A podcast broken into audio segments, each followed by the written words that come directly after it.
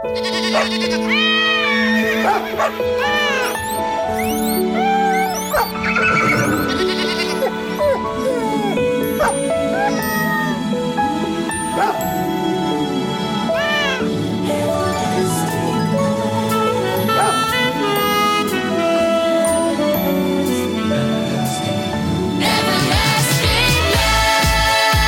Alldeles strax tänkte jag att jag skulle prata om det här med relation och kommunikation mellan hund och ägare och svara på era frågor. Men först vill jag prata lite sommar och hund. Och det här är viktigt. Värme. Värme och sol. Det är något som är extra viktigt att tänka på under sommaren. Annars också givetvis, men speciellt nu under sommaren. Du ska veta det att varje år dör hundar av värmen. Alltså i Sverige så dör det hundar för att man inte tänker på att de inte klarar av värme på det sättet vi kanske tror. Om vi tar bilen som ett exempel. Tänk på att bilen faktiskt är en dödsfälla för hunden. Det räcker inte med att hissa ner fönstret en bit och det kanske inte ens räcker med att öppna bagageluckan.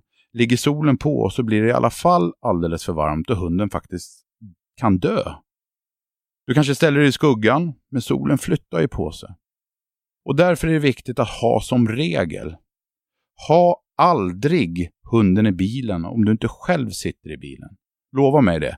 Det är så lätt och jag ska bara gå in och handla eller jag ska bara göra det och så låter man hunden ligga i bagageutrymmet där.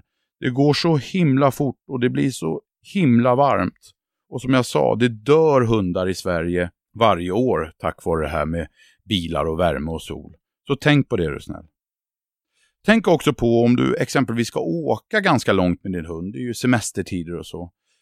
På grund av packning och annat som man plockar in i bilen så är det inte alls säkert att hunden har det lika kyligt och behagligt som du har där du sitter. Packning och annat man lastar in i bilen kan faktiskt hindra aircondition att komma bak till hunden. Se alltid till, även då du och din hund är under transport, att ha friskt vatten till hunden. Det är också någonting som är lätt att glömma att hunden faktiskt dricker, kan dricka enorma mängder när det är varmt ute och den hässjar. Och där finns ju bra skålar man kan ställa in i bilen med sån här eh, skvalpkant. Jag kommer inte ihåg vad de heter nu, men ni förstår säkert vad jag menar. Där vattnet kan eh, vara kvar i skålen även fast bilen rör på sig. När det gäller hundar, bad och båt, se alltid till att ha flytväst på din hund då du är på sjön. Det finns flera anledningar till det. Dels så är det att hunden faktiskt, även fast du inte tror det, kan gripas av panik då den ramlar i vattnet. Eh, den kan bli så eh, chockad och tycka det här är så otäckt så faktiskt hunden väljer att simma ifrån dig och din båt istället för att du kan fånga upp hunden. Du kan alltså inte få tag i hunden om den ramlar i. Och är det inte så så kan det till och med vara så att världens snällaste hund helt plötsligt då den ramlar i vattnet börjar bitas när du försöker få upp den i båten igen. Det här har jag själv varit med om. Och det har hänt mer än en gång, det lovar jag.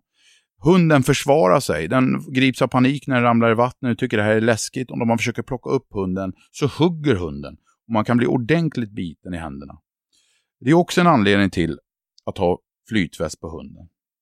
I flytvästen så finns det ofta en ögla som man antingen tar tag i eller om man kan använda en sån här båtsak och lyfta upp hunden i. Och Det är inte alls dumt. Är det dåligt väder och kanske hög sjö, ja då kanske inte du ens hittar hunden om den ramlar i vattnet. Så det är ytterligare en anledning till att ha flytväst på hunden. Ha respekt för sjön och ha flytväst på din hund.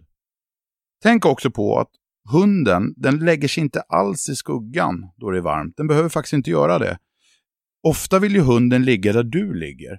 Och ligger du i solen, då finns det faktiskt hundar som väljer att ligga i värmen och solen bara för att du ligger där. Och då är det många som tror att hunden vill ligga i solen. Men så är det faktiskt inte. Du måste se till när du, ligger, när du är i båten eller när du ligger på stranden och myser nu i sommar, så måste du se till att hunden hamnar i skuggan. Hundar kan också vara känsliga för solljus. De kan alltså bränna sig. Solen går igenom pälsen. Men framförallt är det den här värmen du måste tänka på. Se till att din hund ligger i skuggan. Du får flytta på dig lite så att du, du kan ha hunden i skuggan även fast du ligger i solen. Motion av hunden sommartid. Det kan också vara ett problem. Det första jag verkligen vill att du tänker på är hundens tassar och trampdyner. Undvik i största möjligaste mån varm asfalt. Det kan faktiskt vara döden för hundens trampdyner. Och tro mig, det går fortare än vad du anar. Det är otroligt smärtsamt för hunden och det tar väldigt lång tid att läka. Ha som regel att undvika asfalt då du ska motionera hunden sommartid. Och asfalt ska man undvika vilken årstid som helst tycker jag, men framförallt sommartid. Sommartid motionerar jag själv alltid hundarna kvällstid, så sent som möjligt och jag gör det gärna i skogsterräng. Härliga promenader i skogen där det är lite skugga och lite svalare. Det är för övrigt den bästa och mest allsidiga motion du kan ge din hund, tycker jag. Skogspromenader. Det finns inget bättre. Att bada och simma med sin hund är också bra motion och det kan ju vara jättelämpligt att göra då under sommaren. Eh, det du ska tänka på där tycker jag, det är att du ska ha flytväst på hunden.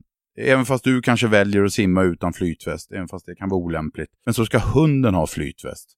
Hunden eh, simmar ju eh, efter det om du paddlar i en kanot eller om du ror en roddbåt eller om du simmar bredvid.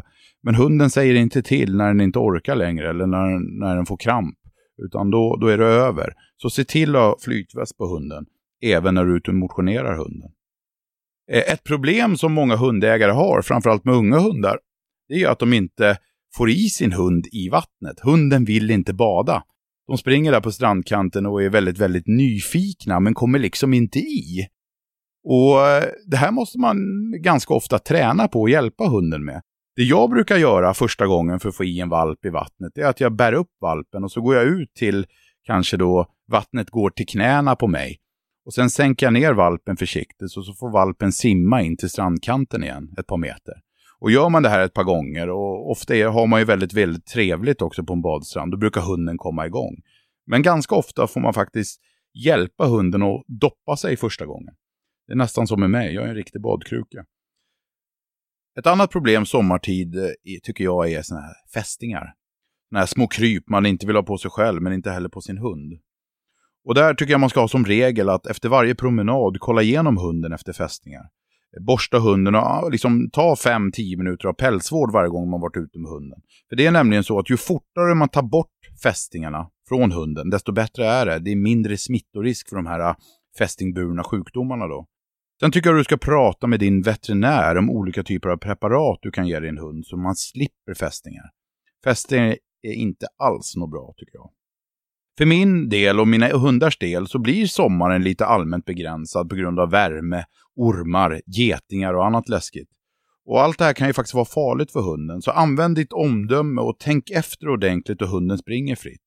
Är du inte på hemmaplan exempelvis, kolla gärna upp nummer till närmsta veterinär så du redan har det om det skulle hända något. Men framförallt, tänk på det här nu i sommar. Värme, sol, bil och hund. Ha respekt för värmen och tänk verkligen på det här varje dag.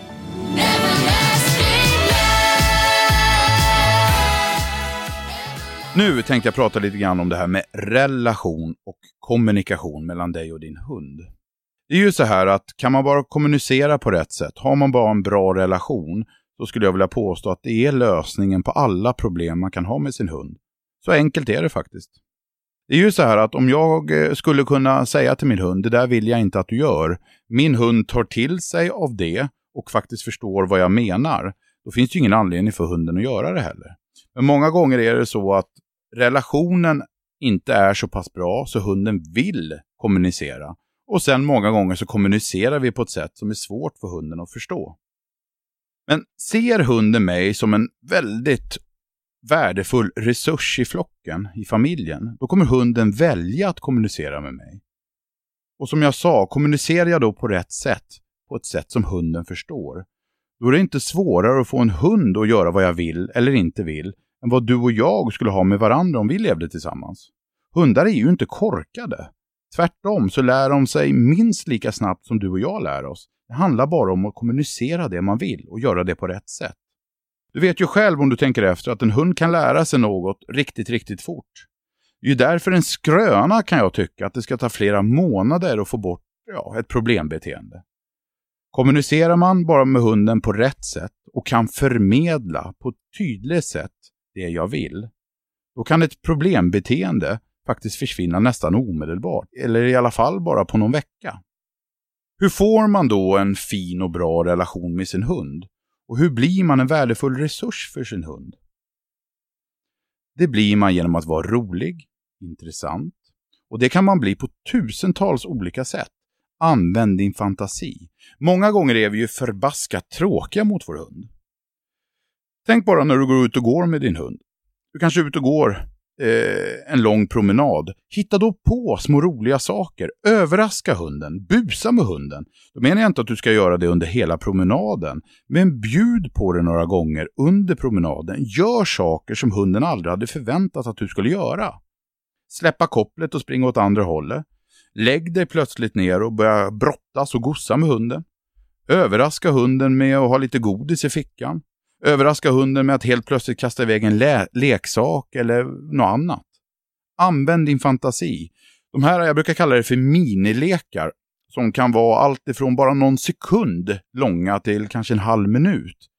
Under en promenad på kanske 45 minuter, då kan man busa till det vid ett par, tre, fyra tillfällen, överraska hunden och bjuda på sig lite grann.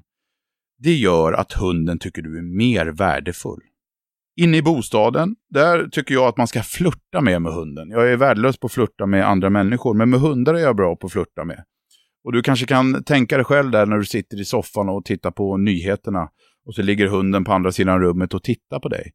Ge hunden ögonkontakt, titta tillbaka, le mot hunden. Blinka med ena ögat, se hur, hur hunden uppmärksammar din mimik. Hunden vill ju också bli sedd precis som du. Möts du och hunden i en dörröppning, busa till det lite grann. Ta tag i hundens nos och pussa den på nosen eller skojnyp hunden i tassen eller vad som helst. Busa till det, var inte så tråkig.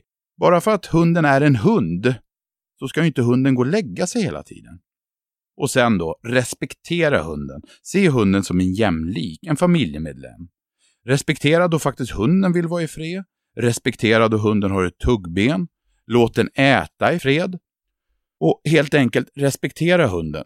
Ni känner säkert till det här, min hund morrade åt mig, det ska han fan inte göra och så fyar man hunden ner sig på hunden. Och det där bara som ett exempel, det har jag aldrig förstått. Skulle du och jag leva tillsammans så är inte vi på topp jämt. Eh, skulle jag gå och störa dig när du gör någonting så är det ju mycket troligt att du säger till mig, jag vill vara i fred. Och samma sak kanske händer hos mig. Varför skulle inte en hund få säga det? Och det här med inställningen att min hund ska jävlar inte göra det här mot mig. Det tycker jag är, förhoppningsvis är det bara okunskap, men många gånger så handlar det också om att man har bristande respekt för hunden. Hunden är ju också en individ. Så respekt är en viktig del i det här. Saker som får din hund att se dig som en jobbig och besvärlig person, alltså motsatsen till vad du vill. Det kan ju vara exempelvis för mycket regler och tjat. Det kan vara att då du belönar din hund för olika saker så ger du hunden tråkiga belöningar. De här belöningarna kanske är lätt för dig att hantera men det är inte speciellt kul för hunden. Du överraskar aldrig hunden. Från och med att hunden vaknar på morgonen till kvällen när hon går och lägger sig igen så är det samma sak dag ut och dag in. Och får hunden en belöning, ja men då är det samma sak igen. Man är helt enkelt tråkig. Du låter inte hunden vara med i gemenskapen utan tjatar hela tiden på att den ska gå ut ur rummet eller den ska gå och lägga sig. Glöm inte bort att hunden är ett flockdjur. Och är det så att hunden aldrig får vara med dig och resten av familjen, då kommer hunden att finna sig i det. Men bara för att hunden finner sig i det, så innebär ju inte det att det är så hunden vill ha det. Den ger ju upp helt enkelt. Hunden är ett flockdjur och hundens flock det är ju familjen. Den vill också umgås, inte bara utomhus utan även in, inomhus. Den vill också vara med i familjen, den vill också vara synlig och bli sedd. Tänk på det. Och fick jag bara ge en hundägare ett enda råd när jag får en fråga om eh, vilket problem som helst, då skulle det rådet vara, och det är helt utan tvekan, bli roligare för din hund. Det är faktiskt grundlösningen på alla bekymmer. Då det gäller kommunikation så är det en förutsättning för lyckad kommunikation mellan dig och din hund en bra relation. Man kan inte få en bra kommunikation med en individ som inte tycker om dig eller inte är intresserad av dig. Så en bra relation, att hunden och du har kul ihop, det är en förutsättning för att kunna lyckas med kommunikationen. Det här gäller ju också mellan dig och mig egentligen. Känner vi inte varandra eller kanske inte ens tycker om varandra, ja då skulle ju även du och jag sannolikt ha svårt att kommunicera. Så här är det för dig och din hund också. Ju roligare ni tycker ni har tillsammans, ju, ju bättre kompisar ni är, desto bättre och desto lättare kommer ni kunna kommunicera med varandra. Att ha en fin relation med sin hund, det är ett måste för lyckad kommunikation. Då det gäller kommunikation med hunden så gäller tydlighet, svart eller vitt. Och jag tycker dessutom så några kommandon och ord som möjligt. Nu vet jag att någon, eh, det finns de som menar då att tydlighet i hundsammanhang handlar om att man ska vara hårdare och elakare. Men det är inte, jag understryker, det är inte det jag menar med tydlighet. Utan när jag pratar tydlighet, eh, när det har med hund att göra, så handlar det om att hundar är svarta eller vita. Eh, de är inte tjuriga eller eh, griniga en lång tid eller tycker någonting är halvbra eller tycker någonting är halvdåligt. Antingen är det okej okay, eller också är det inte okej. Okay. Och det här måste vi ju tänka på när vi kommunicerar med våra hundar.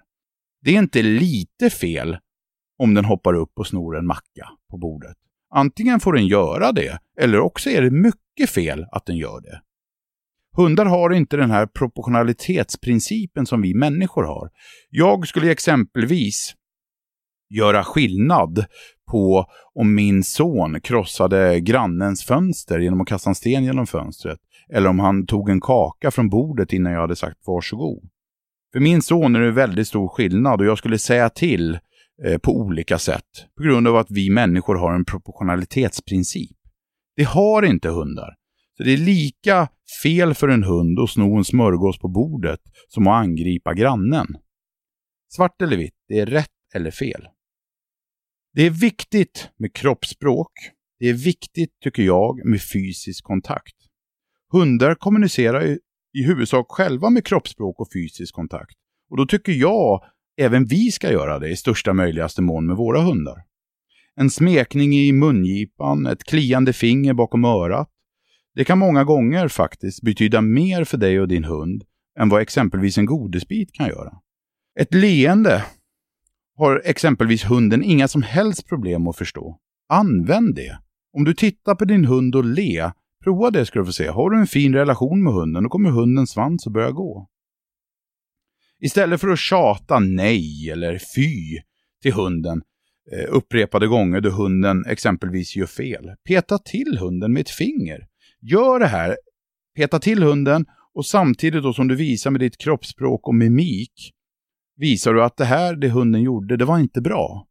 Det fattar hunden, det förstår hunden, det kommer hunden att ta till sig av på ett betydligt mer och bättre sätt än massor med kommandon som nejanden och fyanden, där du dessutom bara uppfattas som väldigt, väldigt tjatig. Hundar kommunicerar ju med fysisk kontakt och kroppsspråk och då tycker jag vi kan göra det också, för vi människor är faktiskt också duktiga på det. Du förstår ju själv när någon ser arg ut. Du fattar ju exempelvis vad det innebär om din partner petar till dig på axeln kort och distinkt. Och dessutom har en mimik då som utstrålar nu är jag arg. Du fattar ju det. Varför skulle inte hunden förstå det? Det är ju ändå så hundar kommunicerar. Utnyttja det och gör det inte svårare än vad det faktiskt behöver vara. Innan jag går igenom lite lyssnarfrågor så skulle jag också bara vilja prata lite kort om de vanligaste felen hundägare gör då man försöker få bort ett felbeteende. Och det är ofta att man, försöker, att man väntar på att felbeteendet ska uppstå. Och när hunden gör det här, som man vet ska komma, då passar man på att bestraffa hunden. Det är ingen bra taktik. Och bestraffningar ger sällan ett bra resultat. Eh, det enda resultat du ofta ger det är en sämre relation. Dessutom vill jag ju faktiskt inte bestraffa mina hundar. Jag vill ju hjälpa dem att göra rätt istället. Och gör de rätt så kan jag ju faktiskt jobba med belöningar istället för att bestraffa saker. Jag kan ta ett exempel. Jag vet att min hund, då jag möter en annan hund, gör utfall mot den mötande hunden. Och jag vet att min hund gör de här utfallen ungefär tre meter innan själva mötet. Om jag då väntar på att de här utfallen ska ske för att sen passa på att fya hunden, då bestraffar jag ju hunden Jag väntar på att hunden ska göra det som är fel för att jag ska kunna säga fy. Och det är helt värdelöst. Om man istället gör så här, att jag hjälper hunden att göra rätt genom att förekomma hunden. Då kan jag istället belöna hunden vid hundmötet. Alltså, jag vet att min hund brukar göra utfallet mot den andra hunden kanske tre meter innan själva mötet. Därför petar jag nu till min hund i sidan, kanske sex meter innan hundmötet, och får en bra reaktion. Hunden reagerar på min finger i sidan och tittar upp på mig. Och då belönar jag det här att hunden tar kontakt. Då belönar jag det med något hunden tycker är kul. Sen är ju själva hundmötet förbi. På så sätt, genom att förekomma, genom att tillrättavisa, nu vill jag att du är uppmärksam på mig, innan du gör fel, då kan jag istället belöna när vi passerar hunden. Att förekomma, att visa vägen, det är det som gäller tycker jag. Alltså inte vänta på att hunden gör fel. Och det här med tillrättavisa kan man ju också då fundera lite grann över. Ska vi jobba med tillrättavisningar? Ja, jag tycker ju det. För om man inte lär en partner, ett barn, eh, arbetskollegor, om man inte lär individer att det här är inte okej okay att, att du gör, hur ska då individen veta att den inte ska göra så? Och jag anser att tillrättavisningar, det är någonting som vi alla lever med dagligen. Sist, senast, eh, bara för någon timme sedan, så var jag på en restaurang och skulle gå ut med kaffekoppen. Och då vart jag tillrättavisad, för de har ingen uteservering. Eh, då vart jag tillrättavisad av en eh, servitör där, eller servitris som sa att nej, du får inte gå ut med kaffekoppen. Du kan få en pappersmugg om du vill. Det är ju en typ av tillrättavisning. Och det här är ju jättebra, då lär jag mig ju vad det är som gäller på den restaurangen. Och samma sak är det ju för hundar och för barn i familjen. Nej, så här vill inte jag att vi gör i vår familj eller vår flock. Om man inte vill använda sig av tillrättavisningar, hur ska man då kunna forma individen till att passa in i vår familj eller flock? Eh, jag gillar tillrättavisningar, jag är emot bestraffningar. Tillrättavisningar, det är alltså att hjälpa hunden att göra rätt. Bestraffningar är för mig att hunden gör någonting och när hunden redan har gjort det så talar jag om för hunden att den har gjort fel.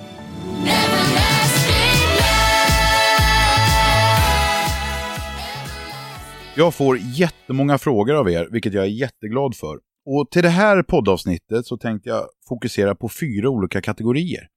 Och det gäller hundmöten, alltså besvärliga hundmöten. Det gäller kloklippning, eh, drag i kopplet och hundar som skäller då det kommer besök. Det är kanske också de vanligaste problemen faktiskt vi hundägare har.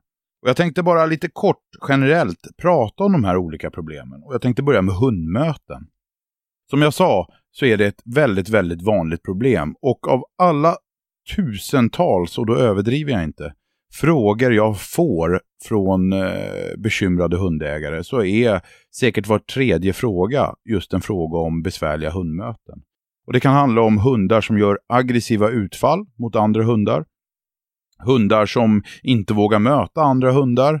Eller hundar som eh, vill leka extremt mycket med andra hundar under hundmöten. Men det är liksom själva hundmötet som är problematiskt. Och det som nästan är hundraprocentigt också, det finns alltid undantag, men nästan är hundraprocentigt, det är att de här problemen faktiskt bara uppstår då man har hunden i kopplet. Och det vet nästan alla hundägare att hur besvärlig hunden än är eh, när man har hunden i koppel mot andra hundar, skulle man släppa hundarna så är det ofta inget problem. Problemet är bara att det hjälper inte oss.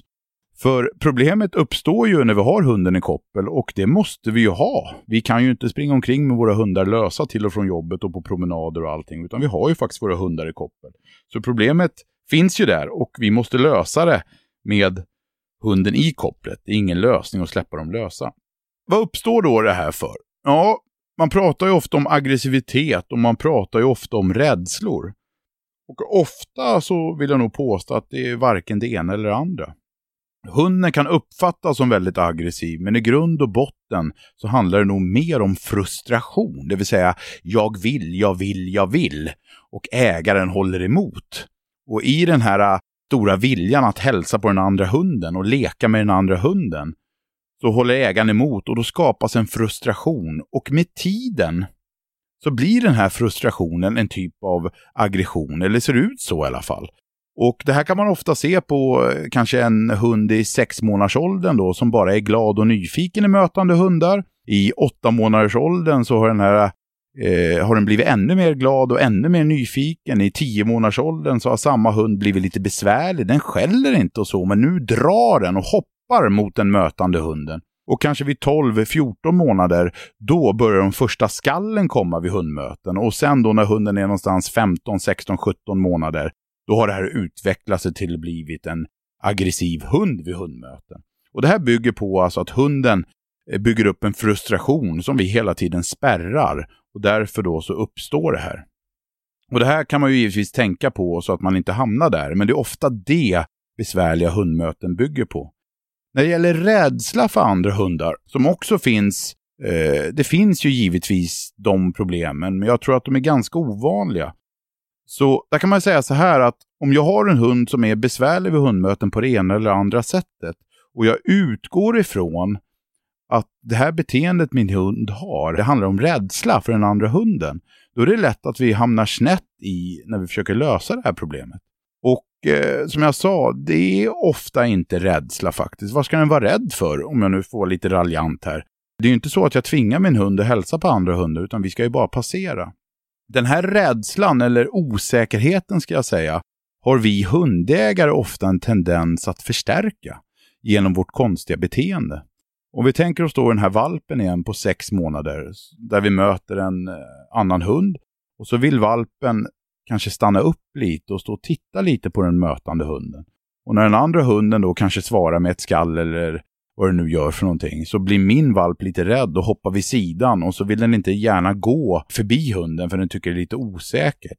Där börjar vi hundägare att tveka. Där börjar vi hundägare undra, vad ska jag göra nu? Jag vill ju inte ha en rädd hund. Och så börjar vi locka och pocka på vår valp då. Och här någonstans skapar vi ju en osäkerhet, eller vi förstärker den osäkerhet som kanske redan finns där. Och så blir det helt tokigt. Och en grundtanke när det gäller hundmöten tycker jag är att man ska låtsas om som man inte ens möter någon annan hund. Eh, om man ska göra det här väldigt teoretiskt och väldigt enkelt så hanterar jag inte mina hundar eller mina valpar annorlunda då jag möter en annan hund än om vi går ensamma i skogen. Utan vi bryr oss inte om andra hundar på promenader. Och därför tar jag, tar jag som ägare inte heller då hänsyn till att vi möter någon annan hund. Jag kommer komma in lite grann mer på det här när jag svarar på frågorna jag kommer läsa upp sen. Men det är väldigt viktigt tycker jag att eh, har jag som inställning som hundägare, vilket jag har, att andra hundar bryr vi oss inte om, då är det ju viktigt att jag inte agerar annorlunda bara för vi möter andra hundar heller.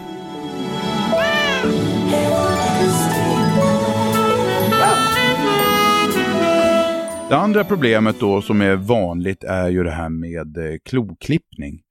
Det är svårt att klippa klorna och många hundägare är ju nervösa och rädda för att klippa klorna på sin hund. Och det, här, det är klart, är hunden också då tycker det här är lite olustigt tillsammans med att ägaren är nervös och rädd så blir det ju värre givetvis.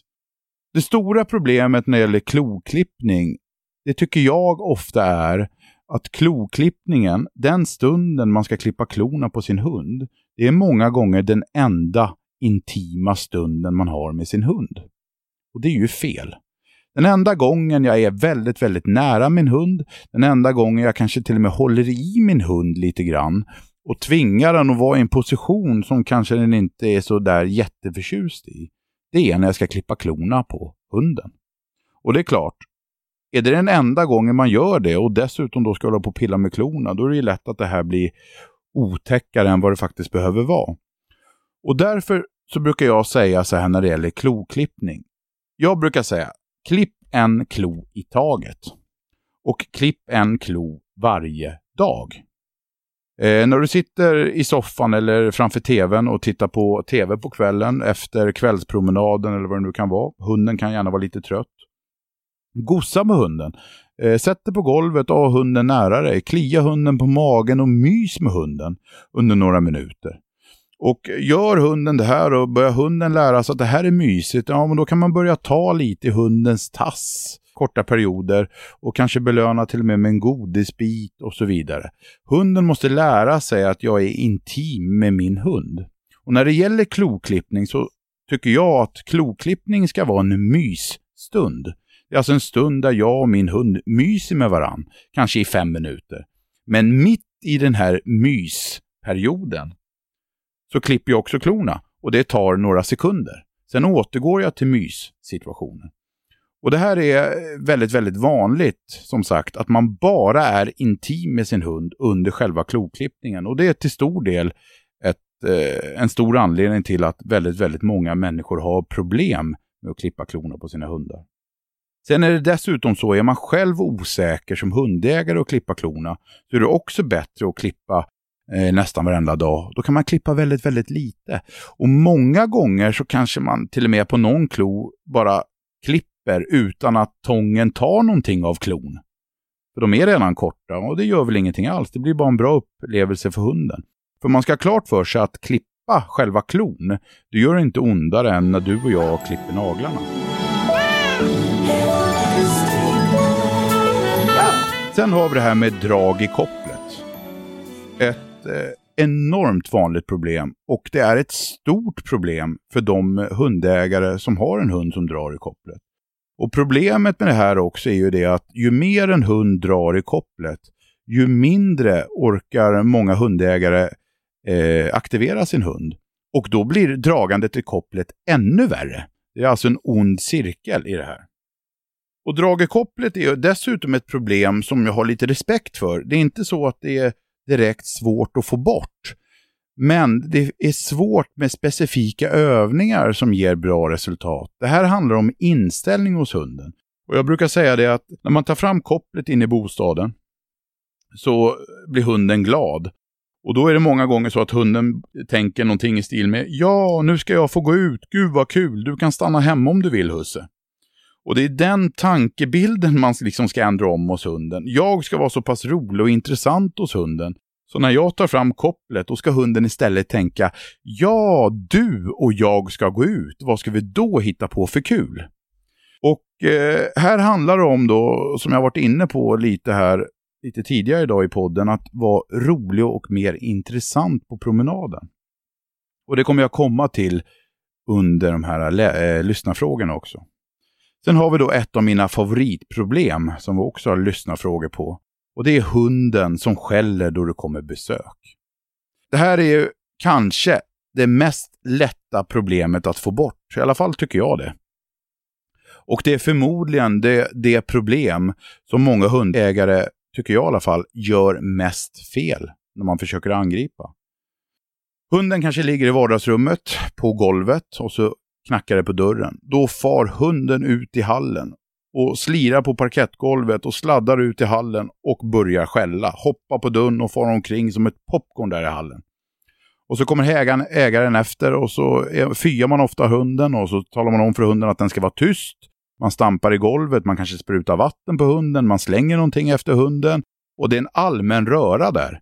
Och i den här röran, som dessutom ofta blir värre, för man är av någon anledning ofta ganska stressad av att öppna dörren också, så förstärks det här. Man liksom fullföljer aldrig och så vidare. Och förr eller senare så öppnar man ju dörren oavsett hur hunden beter sig. Och den första som då hälsar på besöket är ofta hunden. Och då har ju hunden fått fördel i att leva rövare. Och hunden tror att det är tack vare att jag är aktiv, även fast husse eller matte är tokig och slänger grejer på mig och fyar mig, så får jag ändå hälsa på besöket som kommer. Och därför blir ju också det här sättet att försöka få bort det här skällandet, blir ju egentligen istället att man förstärker beteendet. Och det man ska göra här, när det gäller hundar som skäller då det kommer besök eller ringer på dörren, det är att låtsas om som man inte hör att hunden skäller. Det är alltså inte ljudet du ska angripa, det är hundens beteende. Hunden far från vardagsrummet ut i hallen för att det ringer på dörren.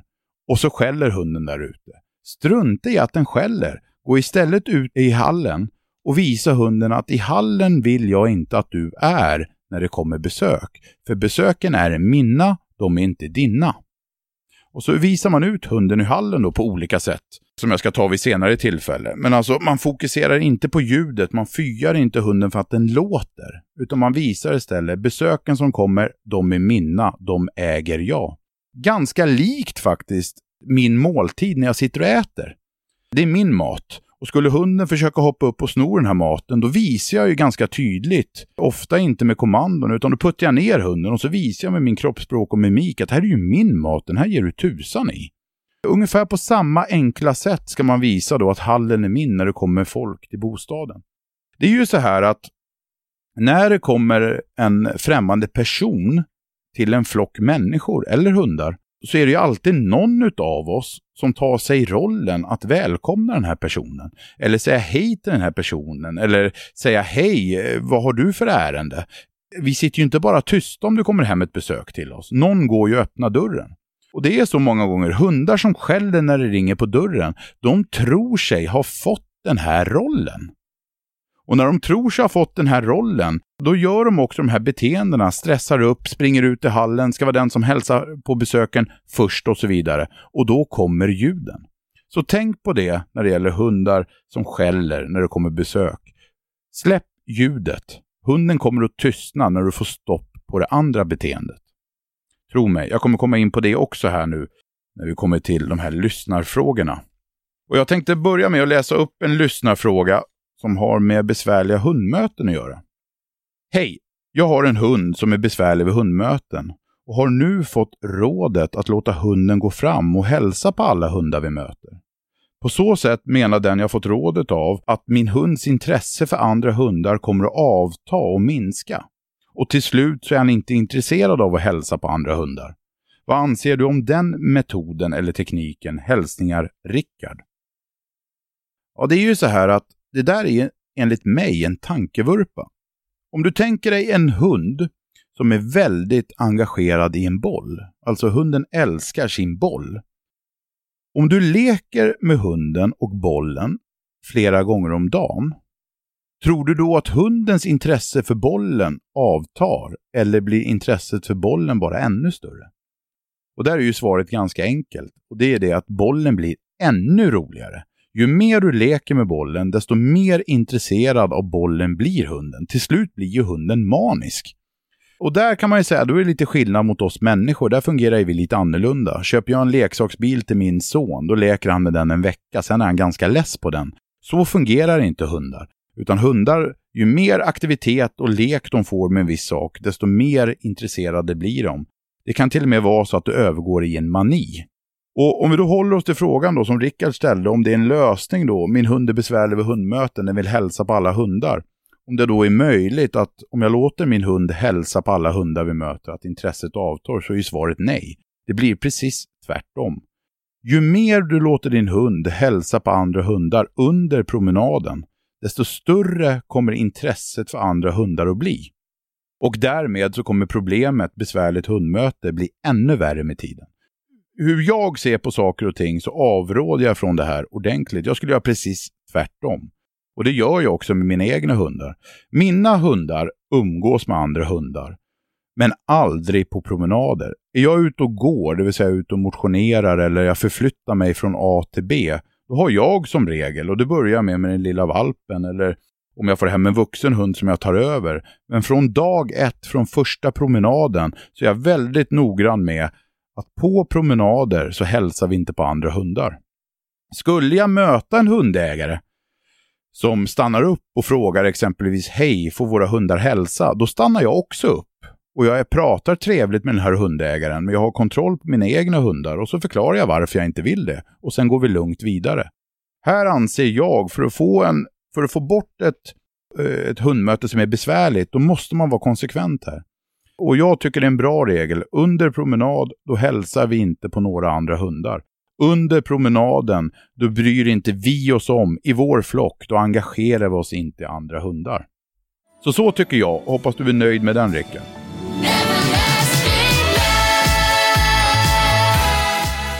Sen då så har jag ytterligare en fråga och det handlar om kloklippning. Hej! Min valp på fyra månader vägrar att få klorna klippta. Så fort jag rör hennes tassar så skriker hon som jag, om jag gjort henne illa. Vad ska jag göra? Hälsningar Gunilla. Eh, frågan är lite generellt ställd, men jag kan säga så här att det här är ett vanligt bekymmer och just det här att vissa hundar skriker som om man gör illa dem, det är faktiskt ganska vanligt och givetvis besvärande. Men det som gäller tycker jag, det är att skynda långsamt. Och jag var inne på det lite grann då när jag pratade lite allmänt om kloklippning.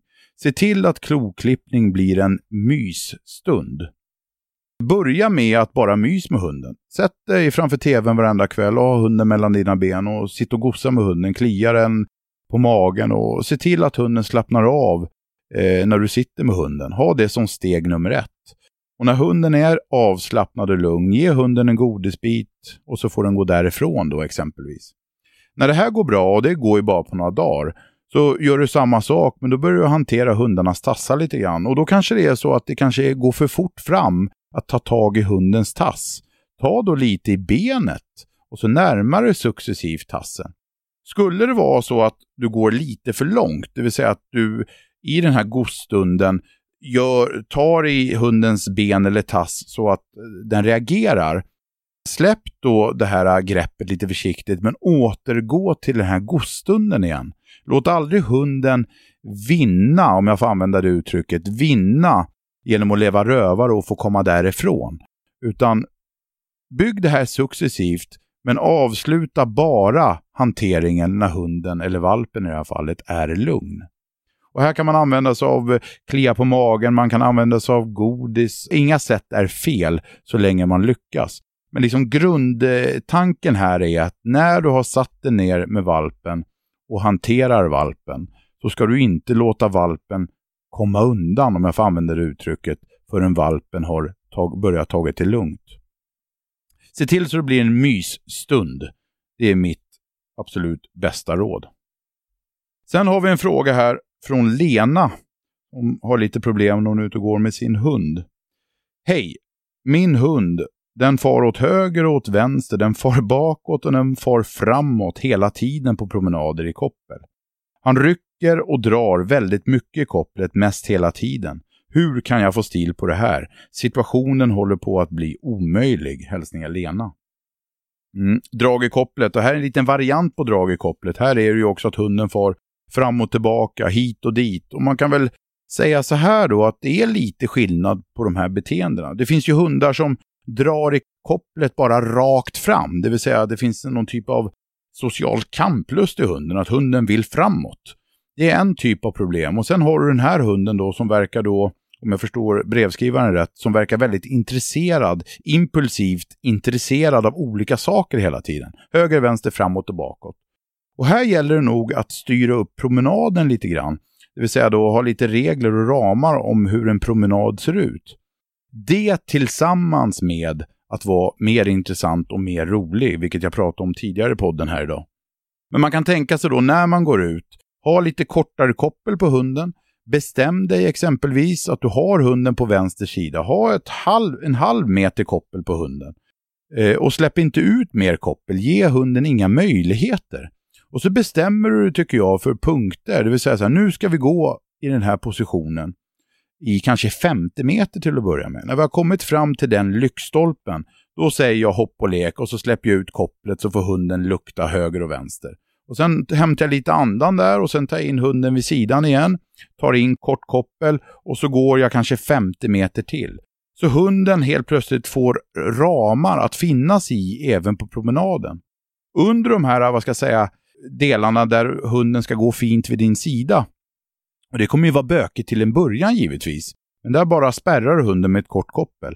Men när hunden i de delarna av promenaden faktiskt går ganska bra, överraska hunden där. Ge hunden någon överraskning, en belöning av något slag som hunden tycker är spännande och intressant. Låt hunden veta att när du är i den här positionen, då älskar husse eller matte dig. Det är precis så här vi ska ha det. Och då måste man ju belöna det, alltså ge hunden fördel i att göra rätt.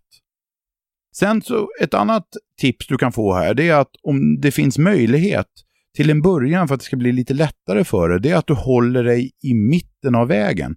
Det här blir ofta tydligare om man går efter en dikeskant eller någonting i den stilen. Kan man gå i mitten av asfaltsvägen så brukar det vara lite lättare. Men det hela bygger på att du har ramar och lite stil och profil på promenaden och de här olika då överraskningarna och belöningarna ger hunden fördel i att göra rätt. Det här tillsammans kommer att ge resultat. Första par, tre dagarna känns det säkert hopplöst, men ganska snart ska du se att det liksom funkar till. Och här måste du vara konsekvent. Ger du det här ett par, tre dagar så ska du se att det kommer bli förändring. Ytterligare ett tips till dig som har en hund som drar i kopplet, det är ju det att man struntar i att ge hunden mat i matskålen hemma. All mat hunden får under dagen, lägg det i fickorna istället. Och så ger ni hunden det under promenaden. Överraska hunden. Gärna då när hunden är uppmärksam på dig så ger du hunden mat. Det här är ett väldigt, väldigt enkelt sätt att bli mer intressant under en promenad. Och det är dumt att inte använda det. Jag gör det på mina hundar då och då, ganska ofta faktiskt. Eh, när jag har lediga dagar exempelvis, då brukar jag göra så att då får inte hundarna mat i matskål, utan då ger jag hundarna mat från min ficka. För det bygger väldigt många positiva saker. Och inte minst då när vi pratar om drag i kopplet. Och gör du det konsekvent under en 4-5 dagar, då kan jag nästan lova det. Har du en hund som är hyfsat matglad då, då har du också en hund som slutar att dra i kopplet. Då kommer hunden bara gå och titta på dig. Så det är ytterligare ett tips.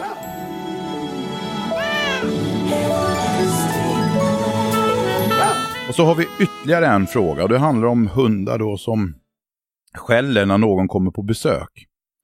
Hej! Min hund skäller då någon kommer på besök. Det tycker jag är okej. Okay. Men min hund har nu även börjat skälla på natten då någon går i trapphuset. Så kan jag inte ha det. Kan du ge mig något bra träningsråd så jag får bort detta? Med vänliga hälsningar Magnus. Ja, det var lite annorlunda, fast det är ganska vanligt. Eh, hundägaren här i den här frågan, Magnus, tycker alltså att det är okej okay att hunden skäller när det kommer besök. Men det är inte okej okay att den skäller på nätterna då när någon går i trapphuset och det har jag full förståelse för. Problemet bara är det att det här är väldigt, väldigt svårt för hunden att förstå. Faktum är ju så att när du har gått och lagt dig Magnus, då får hunden inte skälla.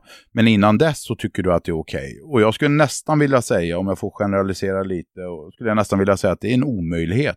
Så här går det inte att ha det. Och framförallt så tycker jag det är väldigt orättvist mot hunden. På dagtid så har du sagt till hunden att det är okej. Okay. Det är helt okej. Okay. Du får ta rollen, jag tar hand om besök. Det säger du ju till hunden eftersom hunden får faktiskt göra det här på dagarna. På kvällarna, då försöker du förmedla till hunden då att eh, nej, nu får du inte ta hand om besök, utan nu ska ingen ta hand om besök. Och det, jag lovar dig, det funkar inte. Eh, I, I vilket fall ser jag ingen lösning på detta. Däremot så kan jag säga så här, att vill du få bort det här att hunden skäller på folk i trapphus och tidningsbud och så vidare, så får du det genom att träna det här på dagarna. Om du fokuserar på att lösa de här bekymren dagtid när du är vaken och har möjlighet att träna det här, då kommer hunden också att tystna nattetid. Varför skäller en hund när det kommer någon på besök? Jo, för att någon i familjen, flocken, måste ta hand om besök. Hunden tror sig ha fått den här rollen. Så enkelt är det. Och eh, för att ta tillbaka den här rollen så måste vi börja, nu gör jag så här med fingrarna, då måste vi börja äga äga besöken. Vi måste börja äga utrymmet runt besöken. Och vi kanske inte ska vara så självklara med att hunden behöver hälsa på allt och alla som kommer hem i bostaden heller. Och här är det väldigt, väldigt lätt, i alla fall teoretiskt. Och det är det att hunden, när det knackar på dörren, så springer hunden ut i hallen. Gå lugnt efter, men visa ut hunden ur hallen. Ditt tankesätt här ska vara Gör vad du vill, du får jättegärna skälla, men du får inte vara i hallen. Kan du bara få hunden att förstå med hjälp av kroppsspråk, fysisk kontakt, att du får inte gå över tröskeln till hallen, håll dig borta. Då kommer också hunden att tystna. Och det här låter kanske knäppt, men det här går fort. Sen är det ju ofta så när man öppnar dörren då till besökaren som står utanför dörren, då är det ju ofta så att hunden kommer fram igen. Men då måste du vara konsekvent under ett par dagar och bara se till att hunden håller sig undan. Att du äger besöket. då kommer hunden att tystna. Det är det som är lösningen på hundar som skäller när det kommer besök. Du som ägare ska ta tillbaka rollen som den som tar hand om besök. Den rollen hunden har haft.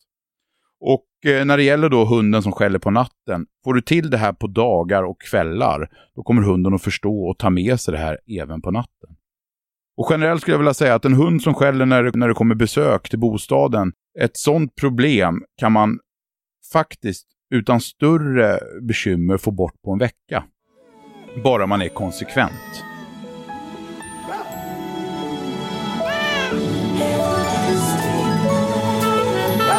Det här har jag bloggat om flera gånger också. Jag kommer att fortsätta att blogga, för jag bloggar ju på agria.se, Fredrik Stens hundblogg. Där bloggar jag nästan dagligen om olika typer av problem och det här har jag bloggat många, många gånger om. Och även de andra frågorna vi har haft uppe idag.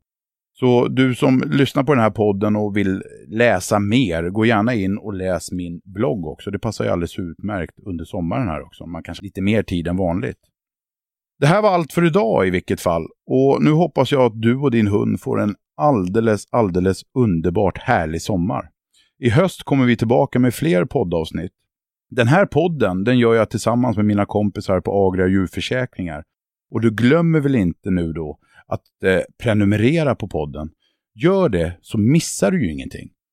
Glöm nu inte bort värme och hund. Ha respekt för den och ha inga hundar i bilen när du inte själv sitter i bilen. Lova mig det. Ha en fin sommar nu och pussa hunden på nosen från mig. Glad sommar på dig önskar jag hundcoachen Fredrik Sten.